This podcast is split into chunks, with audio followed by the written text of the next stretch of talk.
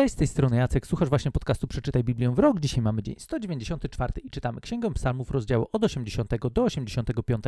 Gdybyście chcieli dowiedzieć się więcej na temat tego podcastu, wejdźcie na stronę bibliawrok.pl. Dzisiaj miałem lekką zagwozdkę odnośnie tego, do którego psalmu mielibyśmy się odnieść i miałem swojego faworyta od samego początku i trochę się wahałem, czy rzeczywiście wbijać się w temat, który będzie, sądzę, że dla wielu z nas nowy. Niemniej jednak przekonało mnie do tego psalmu, który na dzisiaj mamy wybrany, to, że jest on bezpośrednio powiązany z jedną historią z Ewangelii, gdzie Jezus sam ów psalm cytuję. I chciałbym, żebyśmy zaczęli sobie wyjątkowo właśnie od historii z Ewangelii Jana, w której Jezus zacytuje jeden z psalmów, który mamy dzisiaj w naszym zestawie e, i zobaczymy, dlaczego to, co Jezus tutaj mówi, w zasadzie rzadko kiedy jest dobrze tłumaczone. W sensie, nie żebym tam miał poczucie, że jest jakimś geniuszem, bo jak się domyślacie i widzicie, też często po prostu powtarzam to, co uda mi się gdzieś tam znaleźć u innych mądrzejszych od siebie i zwyczajnie jest dla mnie przekonujące. Tak samo w tej sytuacji temat ze swojej strony gdzieś tam zbadałem, poświęciłem tak naprawdę sporo czasu na ten odcinek, żeby go dobrze poukładać. No i ten fragment z Ewangeliana, no trochę to jest śmieszna historia, bo ja nie wiem, czy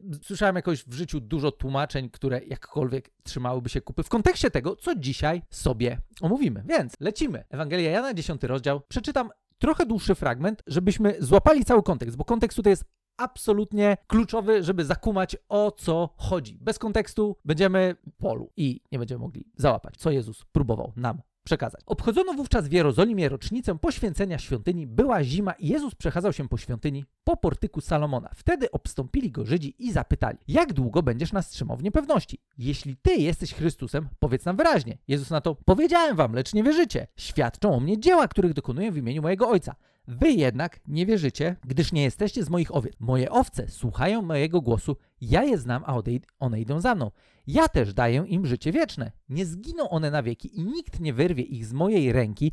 Mój ojciec, który mi je dał, przewyższa wszystkich i nikt nie zdoła ich wydrzeć z ręki mojego ojca. Ja i ojciec jesteśmy jedno. Żydzi znów chwycili kamienia, aby go ukamienować. Wtedy Jezus zapytał ich, pokazałem wam wiele dobrych dzieł pochodzących od mojego ojca.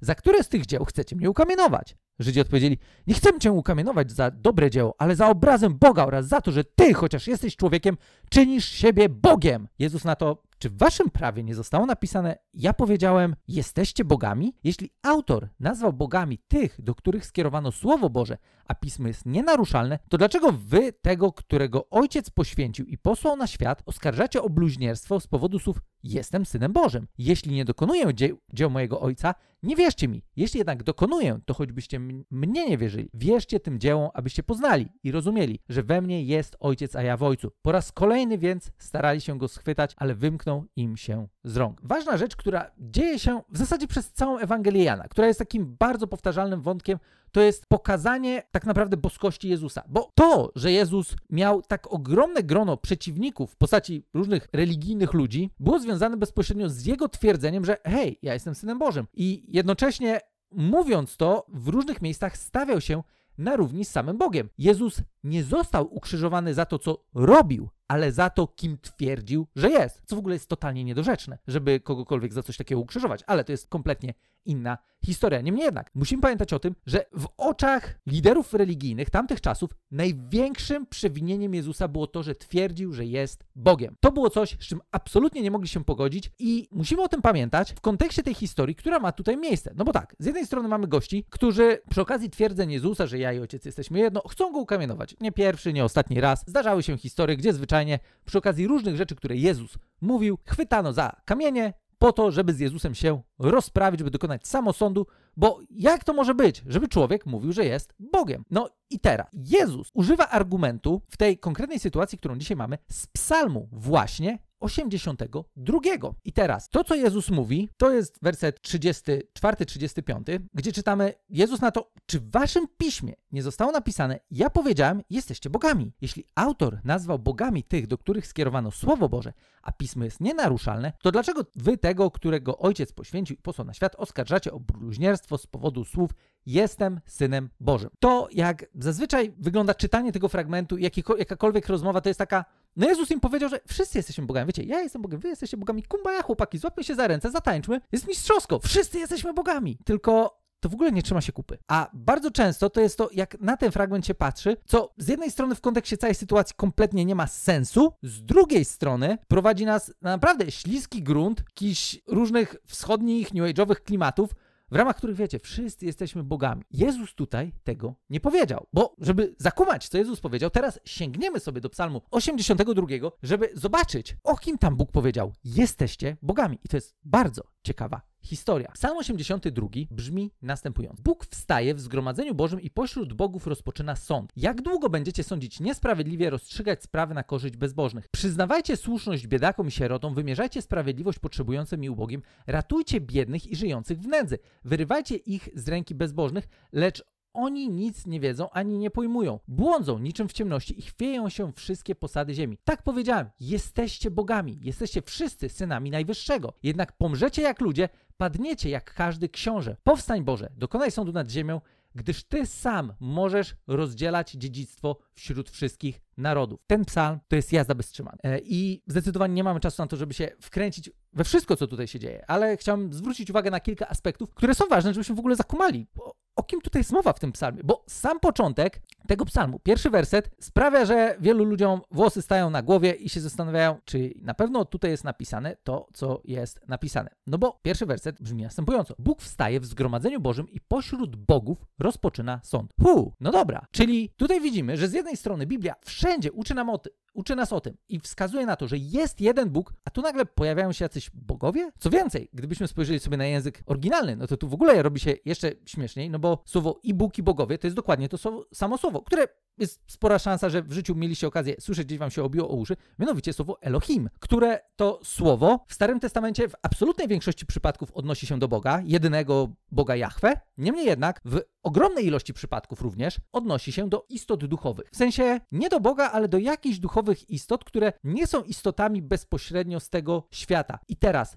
to, co w tym wersecie czytamy, sprawia, że dla niektórych to jest takie, okej, okay, dobra, to pewnie tu nie chodzi o żadnych bogów, no bo wiecie, nie ma bogów i tak dalej. Yy, udawajmy, że świat duchowy jakkolwiek nie istnieje, no bo nagle by nam się zrobiła trochę taka dziwna historia, w ramach której mamy Boga, jakichś bogów, no to, to co to jest? Dlatego próbuje się z tych bogów zrobić ludzi, że to są jacyś starsi Izraela, że to są, albo w ogóle, że to są Izraelici w ogóle. No tylko, że to jest tak szczerze mówiąc bez sensu. W ogóle nie znajdziemy za bardzo fragmentów, które by mogły nam jakkolwiek to uargumentować, jednak one w jakiś tam wymijający sposób wyjaśniają ten psalm i dobra, dajmy sobie spokój, nie wkręcajmy się w ten psalm, e, no bo jeszcze się okaże, że tutaj jest napisane coś dziwnego. Nie ma tu napisane absolutnie nic dziwnego, jeżeli zrozumiemy o co chodzi. A chodzi o to, że istnieje, z tego co tutaj czytamy, pewne Boże zgromadzenie, albo moglibyśmy sobie powiedzieć Boża Rada. W sensie, jak wiecie, mamy Radę Miasta, nie? To wiecie, jest jakieś grono, którym Bóg w pewien sposób zarządza i zaprasza to grono duchowych istot do tego, żeby wraz z nim działały. I żeby było jasne, Bóg jest absolutnie poza tą całą brygadą. On jest ponad tą brygadą. On jest ponad kategorią tych wszystkich Elohimów, który, którzy tam się pojawiają. Niemniej jednak widzimy, że jest jakieś Boże zgromadzenie, które Bóg zaprasza do współpracy. Jest to zgromadzenie istot duchowych. I jak kumam, że może dla nas to być tak, że Jacek, ale będziemy rozmawiać o jakichś duchowych rzeczach, no to tak, bo Biblia opowiada nam historię, która jest osadzona w pewnej duchowej rzeczywistości, która to duchowa rzeczywistość ma wpływ na nasz fizyczny świat. My nie możemy od tego uciec, udawać, że w ogóle nic się nie dzieje, nic nie ma i tak dalej. Więc teraz, to zgromadzenie Boże, ono już nam się pojawiło w jednym miejscu. Wydaje mi się, że my nie rozmawialiśmy akurat szczególnie o tamtej historii, ale w pierwszej księdze królewskiej, w 22 rozdziale, Mieliśmy już pewien przykład tego, no co chodzi z tym właśnie zgromadzeniem. I teraz nie będziemy się jakoś bardzo wkręcać w tą historię, która jest e, w tej pierwszej księdze królewskiej. Niemniej jednak chciałbym, żebyśmy tam zwrócili sobie uwagę na to, że no właśnie, w ogóle coś tam się dzieje i że my w ogóle spotkaliśmy się już z tą koncepcją, pomimo tego, że o niej nie rozmawialiśmy. I co więcej, jeszcze później w innym miejscu dokładnie ta sama ekipa się pojawi i to będzie bardzo znana księga, w ogóle bardzo, bardzo ciekawy temat, który znowu czasem jest taki, o co tutaj chodzi. Ale teraz, wracając do pierwszej Księgi Królewskiej, bez spoilerów tego, co będziemy mieli, jak będziemy, już sobie dojdziemy do tamtego miejsca, gdzie znowu ta ekipa się pojawi, no to wtedy pewnie sobie jeszcze chwilkę się do tego odniesiemy i też do tego psalmu, który czytamy dzisiaj. Ale teraz, pierwsza Księga Królewska, 22 rozdział, wersety 19 do 20 trzeciego brzmią następująco. Tymczasem Michał dodał, dlatego posłuchaj słowa Pana, widziałem Pana siedzącego na, na tronie, cały zastęp nieba stał przy nim, po prawej i po lewej stronie. Pan rzucił pytanie, kto zwiedzie Ahaba, aby wyruszył na Ramot Gileackie i tam poległ. Jeden mówił to, a drugi tamto. Wtedy wystąpił duch i stanął przed Panem i oznajmił, ja go zwiodę. W jaki sposób? zapytał Pan. Pójdę, wyjaśnił i stanę się duchem kłamliwym w ustach wszystkich jego proroków, a Pan na to, ty go zwiedziesz. Ty sobie z tym poradzisz, idź zatem i uczyń jak mówisz. Oto właśnie Pan włożył ducha kłamliwego w usta tych wszystkich twoich proroków, lecz w rzeczy samej Pan zapowiada ci nieszczęście. Kontekst tej historii był taki, że król Ahab miał, czy zbierał się, żeby wyruszyć do bitwy i zebrał proroków, którzy mieli mu powiedzieć, czy, czy to wyjdzie, czy nie wyjdzie. No i wszyscy mówili, wyjdzie, wyjdzie, będzie mistrzowsko, nie ma problemu, nic się nie bój. No aż w końcu zawołali Michała, który był również prorokiem, tylko że to był taki prorok na zasadzie, weźcie, nie pytajcie Michała, bo jakiego coś spytacie, to na pewno wyjdzie, że będzie lipa. E, no i Michał najpierw powiedział, że no tak, tak, jasne, królu, będzie mistrzowsko. No i król się wnerwił i mówi, chłopie, weź mi powiedz prawdę, a nie mi tutaj w ogóle ściemniasz. I odpowiedź Michała to było właśnie to, co przeczytaliśmy. Michał przedstawił sytuację, jak Bóg widział to, co działo się wtedy na ziemi w kontekście króla Achaba i po raz kolejny mamy Boga, co ważne, który siedział na tronie, cały zastęp nieba stał przy nim po prawej i po, po lewej stronie i Bóg rzucił pytanie, kto zwiedzie Achaba, no i tam jest ta cała historia, którą przed chwilą przeczytaliśmy. Więc znowu widzimy to, że Bóg jest ponad absolutnie kategorią tych wszystkich istot duchowych, które tam się znajdują, ale jednak nie żeby Bóg nie wiedział, co ma zrobić, nie żeby w jakikolwiek sposób on potrzebował doradców i ej, chłopaki, kurczę, nie wiem, co mam zrobić. Nie, nie, tu chodzi o to, że Bóg zwyczajnie zaprasza do współpracy, do czego jeszcze za chwilę się odniosę. Więc tutaj widzimy, że taka brygada, o której Psalm 82 mówi nam Zgromadzenie Boże, jest jak najbardziej sensownym konceptem. Nie znaczy to, że Izraelici jakkolwiek mieli jakąś koncepcję politeizmu. Nie, nie, to jak najbardziej był naród monoteistyczny, wierzyli w jednego Boga, ale jednocześnie rozumieli to, że są różne duchowe istoty, które mają gdzieś tam różne zadania w ramach tego, do czego Bóg ich stworzył. I teraz w Psalmie 82 widzimy to, że część z tej brygady zwyczajnie schrzaniła, bo Bóg ich sądzi za to, że źle postępują, za to, że nie dbają o biednych i sieroty, za to, że nie wymierzają sprawiedliwości, za to, że nie ratują biednych i tak naprawdę no, kupę rzeczy robią, które zwyczajnie nie są tym, do czego zostali stworzeni. Wy mieliście właśnie przyznawać słuszność biedakom i sierotom, wymierzać sprawiedliwość potrzebującym i ubogim i tak dalej, ale tego nie robicie. Nie robicie tego, do czego was tu stworzyłem i nie jesteście godnymi reprezentantami tego, który dał wam pewne zadania. I dlatego Bóg ich sądzi. I tutaj właśnie pojawia się hasło w szóstym wersecie tak, powiedziałem, jesteście bogami, jesteście synami Najwyższego, jednak pomrzecie jak ludzie, padniecie jak każdy książę.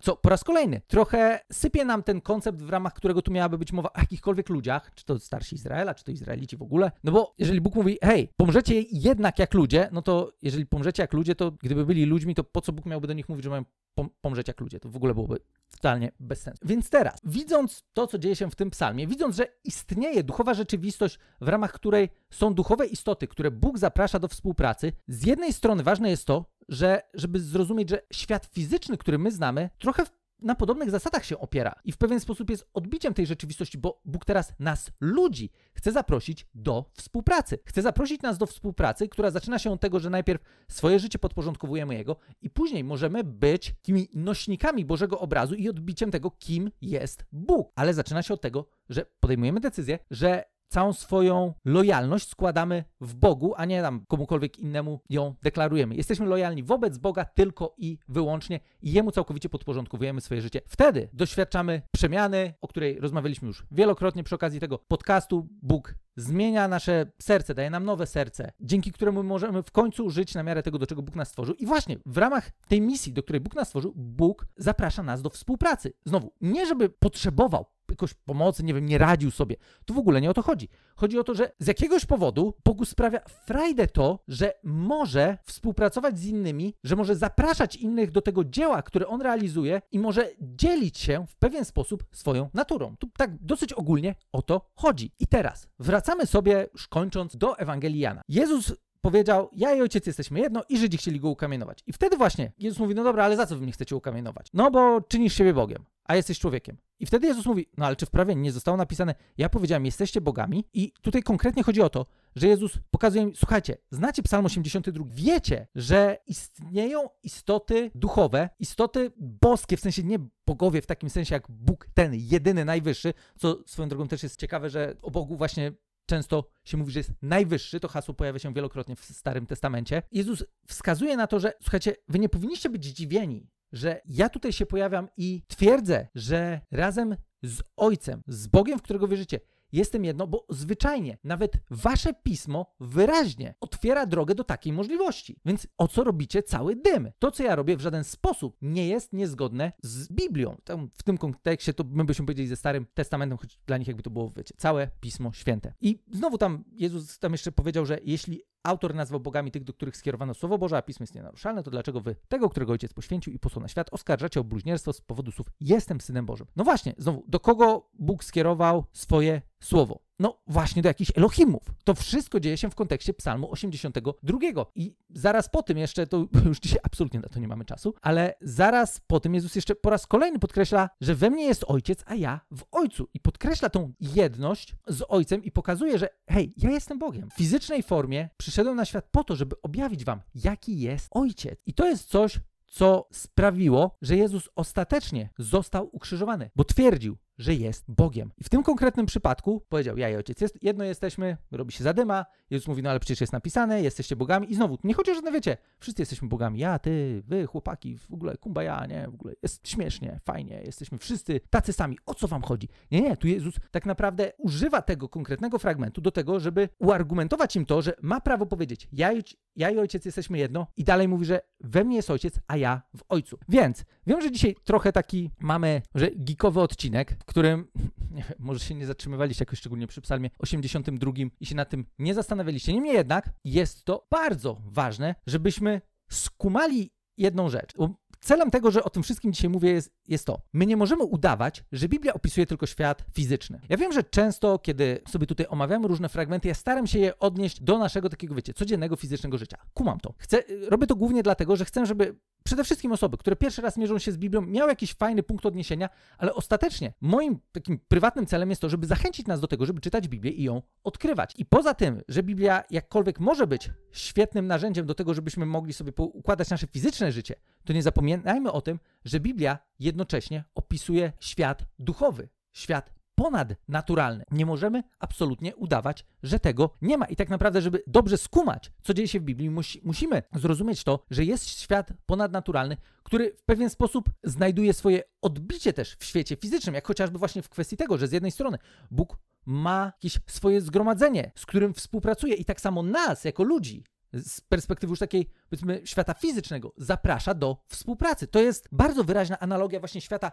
duchowego ze światem fizycznym i też widzimy w tym to, że właśnie ta rzeczywistość ponadnaturalna przekłada się na nasze fizyczne życie. I nawet gdybyśmy teraz sobie spojrzeli jeszcze na tą historię, tak tylko odniosę się do niej króciutko, która była w pierwszej księdze królewskiej, którą dzisiaj przeczytaliśmy, to jest jeszcze jedna ważna rzecz, o której nie możemy zapomnieć, że bardzo często my możemy nie widzieć pewnych rzeczy, ale to, co dzieje się w świecie fizycznym, ma swój początek w świecie duchowym. Bo ta cała historia z królem Ahabem i z tym, jak miał wyruszyć tam na Ramot Gileackie, to było właśnie to. Z jednej strony jest pewna fizyczna rzeczywistość, gość szuka rady i widzimy, jak Bóg otwiera możliwość rozwiązania tej sytuacji w ramach swojego Bożego zgromadzenia, gdzie są inne istoty, które zwyczajnie przychodzą i mówią, hej, mam taki pomysł, zróbmy tak. I mówi, świetnie, masz dobry pomysł, i ci to zrób. I to sprawia, że ostatecznie Ahab w tamtej konkretnej sytuacji podejmuje decyzję o tym, żeby ruszyć na Ramot Gilackie i ponosi klęskę. Bardzo konkretne, historyczne, fizyczne wydarzenie w świecie tym, który my znamy, miało swoje konsekwencje w świecie duchowym. Nie możemy o tym zapominać, kiedy w ogóle patrzymy na nasz świat,